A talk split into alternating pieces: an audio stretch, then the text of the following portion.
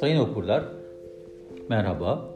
Bu haftaki başyazımda İngiltere'de özellikle Oxford ve Cambridge Üniversitesi'ndeki kimi filozofların ve bilim insanlarının tartıştığı ve insanlığın geleceğiyle alakalı önemli bir konuyla alakalı bir yazı yazdım. Tarihin menteşesi döneminde olup olmadığımızı sorgulayan bir tartışma bu. Yani tarihin çok önemli ve geri dönülemez olaylara neden olabilecek bir dönüm noktasında olup olmadığımızı ve bunların insanlık adına ne anlama geldiğini uzun uzun tartışılan bir meseleden bahsediyorum. Yazımın başlığı Tarihin menteşesi yani dönüm noktasında mıyız? Birçoğumuz günlük hayat sıkıntıları, geçim veya gelecek kaygısı sorunları, hastalıklar, Covid-19 ve nice başka bireysel dertlerle günlerimizi heba ederken, diğer yandan siyasetle ilgili gelişmeleri ruhsal durumumuzun izin verdiği ölçüde, mesela adaletsizlikler, Doğu Akdeniz meselesi veya algıda seçicilikle Azerbaycan-Ermenistan savaşı, ABD seçimleri, Donald Trump'ın gerçeküstü gibi görünen davranış biçimi veya İsrail-Arap meselesiyle ilgilenirken başka başka insanlar bambaşka ama tüm insanlığı toptan ilgilendiren çok farklı boyuttaki bir konuya kafa patlatmakla meşguller. Mesele ünlü çağdaş İngiliz düşünür Derek Parfit'in 2017'de vefat etmeden önce yazdığı On What Matters kitabında tarihin menteşesinin üzerinde yaşıyoruz söyleminden hareket eden Oxford ve Cambridge kaynaklı İngiliz filozof ve bilim insanlarının başlattığı bir tartışma ile ilgili. Perfit şöyle demişti. Son iki yüzyılın bilimsel ve teknolojik keşifleri göz önüne alındığında dünya hiç bu kadar hızlı değişmedi. Yakında sadece çevremizi değil, kendimizi ve bizden sonraki kuşakları da temelden dönüştürecek daha büyük güçlere sahip olacağız. Tarihin menteşesi geriye dönülmesi mümkün olmayan yeni bir yol eşiğinde olunduğunu anlatmaya çalışan bir söylem. Gerçekten de insanlık tarihinin en önemli bir dönüm noktasında mıyız? İngiliz astronom Martin Rees'e kulak verelim. Dünyamız 45 milyon yüzyıldır varlığını sürdürüyor. Ancak yaşadığımız yüzyıl çok özel bir zamanı yansıtıyor. Gezegenimizin geleceğinin tamamen elimizde olduğuna dair bir ilki gösteriyor bu yüzyıl. Cambridge Üniversitesi'nde bu bağlamda varoluşsal risk çalışmaları merkezini kuran Rees ilk kez biyosferi geri döndürülemez bir şekilde bozmaya veya uygarlığa felaket getiren bir gerilemeye neden olacak şekilde teknolojiyi yanlış yönlendirme yeteneğine sahip olduğumuzu söylüyor. Oxford Üniversitesi'nden felsefeci tabi orada göre insanlık bugün yanlış bir adımın felaket anlamına gelebileceği bir uçurumun kenarında bulunmakta. Ordun görüşüne göre zamanımızı özel kılan gerçek atalarımızın asla karşılaşmadığı nükleer savaş veya tasarlanmış katil patojenler, virüsler gibi tehditler yaratmış olmamızdır.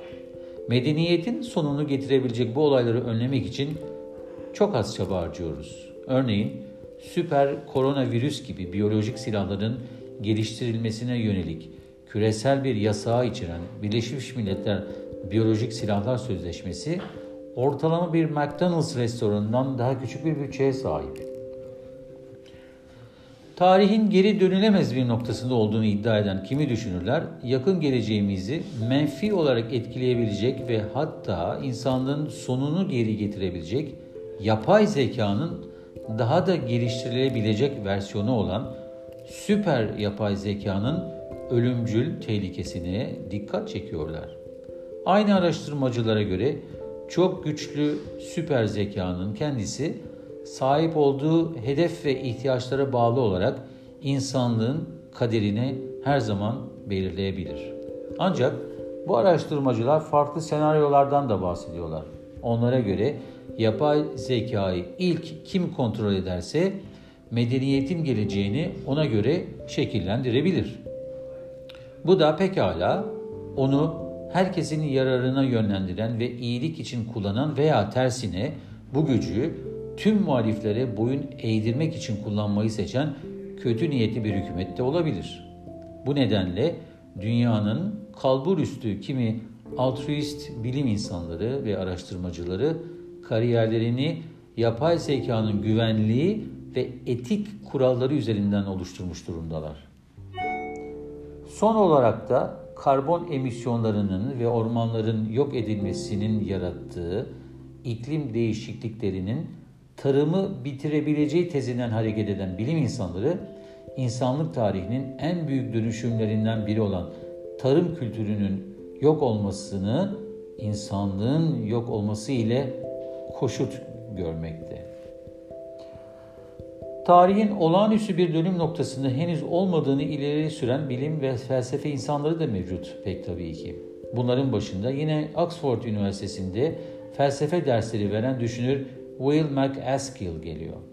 Askill, önemli değişim ve bunların getireceği kalıcı hasarları öngörmekle birlikte henüz tarihin bu aşamasında olmadığımızı iddia ediyor. Ön yargılarımız ve kimi gerçeklere değerinden fazla kötümser anlam yüklemenin insanı tarihin dürüm noktasında olduğu yanılsamasına götürebilir Eskil'e göre. Örneğin 1980'lerde nanoteknolojinin insanlık için çok büyük bir risk olduğunu düşünenler yanılmış oldular. Bazen her şeyin daha kötüye gittiği düşüncesi çoğumuzu ön yargı sarmalında nefes alamama noktasına da getirebilmekte. Erskine bir memeli türünün yaşam süresinin ortalama 1 milyon yıl olduğu gerçeğinden yola çıkarak insan türünün önünde kendini geliştireceği ve diğer gezegenlerde yaşam alanları kuracak kadar çok uzun bir zamanı olduğu düşünüldüğünde henüz tarihin menteşesi noktasında olmadığımızı sağlıyor. Buna karşın günümüzde düzeltilmesi gereken birçok ortak yanlışın olduğunu da kabul ediyor. Alınacak kararların belli olduğunu, sadece siyasi iradenin bazen çok eksik kaldığını iddia ederken geleceği olumlu şekillendirmekte ne kadar başarılı olup olmadığımızı tarihçilerin ileride yazacağını da söylüyor. Gezegenimizi fiziki olarak karbon, plastik ve nükleer atıklarla yaşanmaz hale getirirken Bekir Ağırdır'ın son kitabı hikayesini arayan gelecekte de ifade ettiği şekilde yer kürenin ritmi değişirken tavan yapmış toplumlar arası gelir eşitsizliği insanlık için bir başka tehdit olan ve acilen düzeltilmesi gereken devasa bir evrensel sorun olarak karşımıza duruyor olabilir. Dünya nüfusunun yüzde birinin dünya zenginliğinin yüzde 44'ünü elinde bulundurduğu bir yaşam alanında insanlık nereye evrilir ki? Yoksa Homo sapiens tarihinin asıl menteşesi, dönüm noktası bu devasa eşitsizlik kara deliğinde mi yatıyor?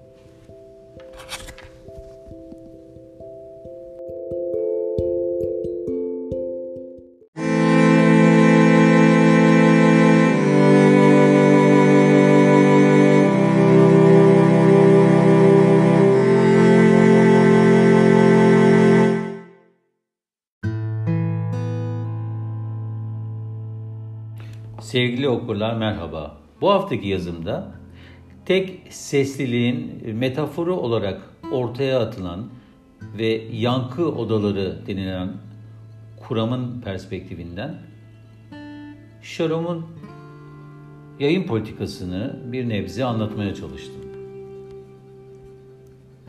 Yankı odaları ve Shalom Hiçbir eşyanın olmadığı kapalı bir odanın içinde bağırırsanız sesinizi saliseler içinde tekrar duyarsınız. Bir daha bağırırsanız yine duyarsınız. Sesinizin yankısı çok hoşunuza gider. Zira hem kendi sesinize aşıksınızdır hem de sadece kendi sesinizi duyunca bir güvenlik hissiyatı içine girer ve tek sesliliğin hayatınızda sizi en huzurlu kılacak bir yaşam formu olduğuna kani olursunuz. Dışarıya çıktığınızda şaşkınlığınız sizi ele geçirir. yalpalamaya başlar ve mutluluğunuz için odanıza geri dönmek istersiniz. Zira dışarıda sesiniz artık odadaki gibi yankılanmamıştır.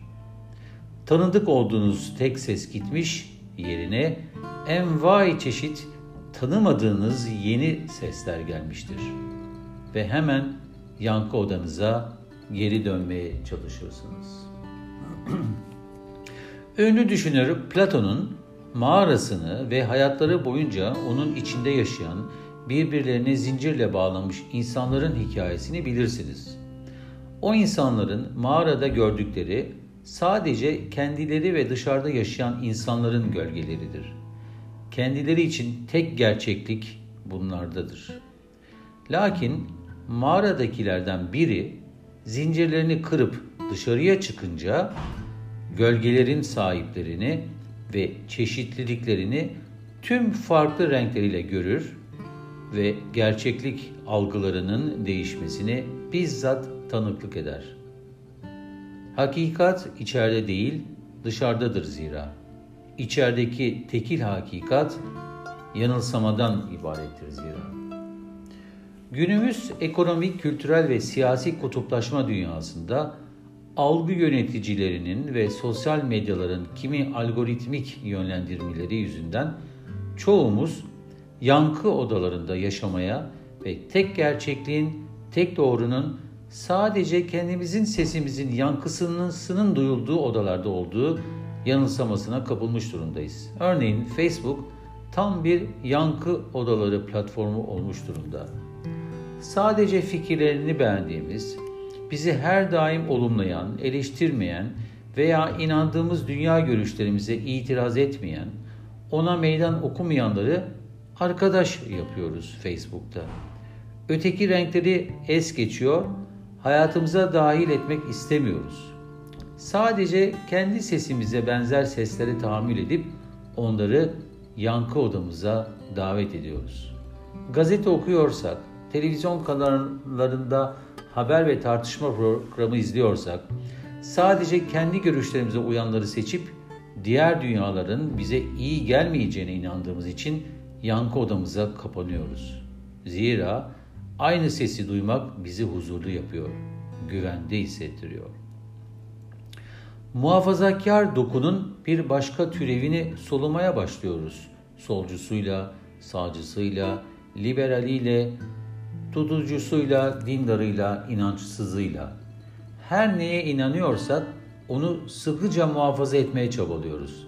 Zira mağaranın veya yankı odasının dışı başka gerçeklikleri içeriyor ve biz onları sevmiyoruz. Korkuyoruz hatta.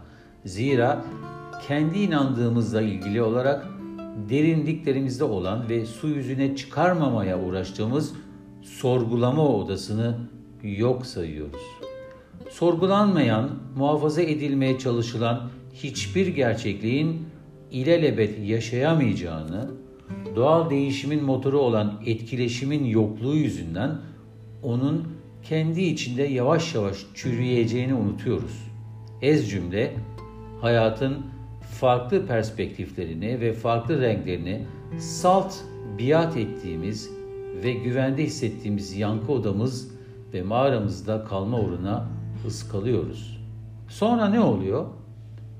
Hakikatin er veya geç bir gün güvende hissettiğimiz konumdan farklı bir yerde olduğu ortaya çıktığında ya zamanın pespaye ruhuna uygun olarak ona bile inanmıyoruz, siyahı bile beyaz göstermeye çalışan algı imparatorluğunun ve yankı odalarının güvenli limanlarına sığınıyoruz ya da az bir ihtimal de olsa nerede hata ettim ben deme cesaretini göstermeye çalışıyoruz.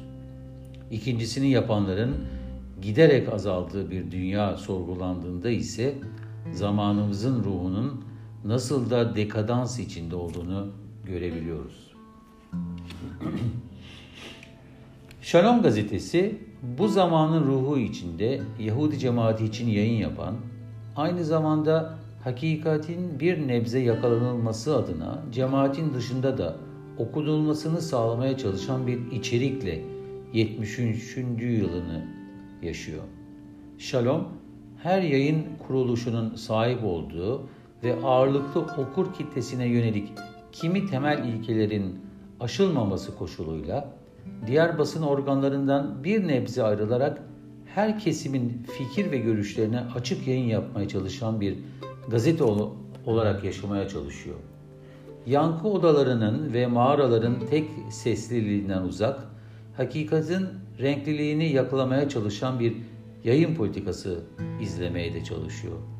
Ne var ki hangi siyasi görüşten olursa olsun kimi insanımızın karşıt görüşleri olan tahammülsüzlüğünü şalom üzerinden de göstermeleri zamanın ruhunun bir göstergesi olarak karşımıza çıkmakta. Sağcısıyla, solcusuyla, muhafazakarı ve liberaliyle kimileri kendi yankı odalarından çıkmak istemedikleri için bunu nasıl yazarsınız deme noktasına geliyorlar. Şalom'u eleştirenler onda sadece inandıkları ve biat ettikleri dünyaya ait bir duruş görmek istiyorlar. Zira gerçekliğin sadece onların kendi dünyalarında olduğunu düşünüyorlar. Dünyadaki zamanın benzer ruhunun bir mikro örneğini göstermiş oluyorlar maalesef. Her düşünce grubu muhafazakarlığın aslında postmodern adını yazıyor tarihe.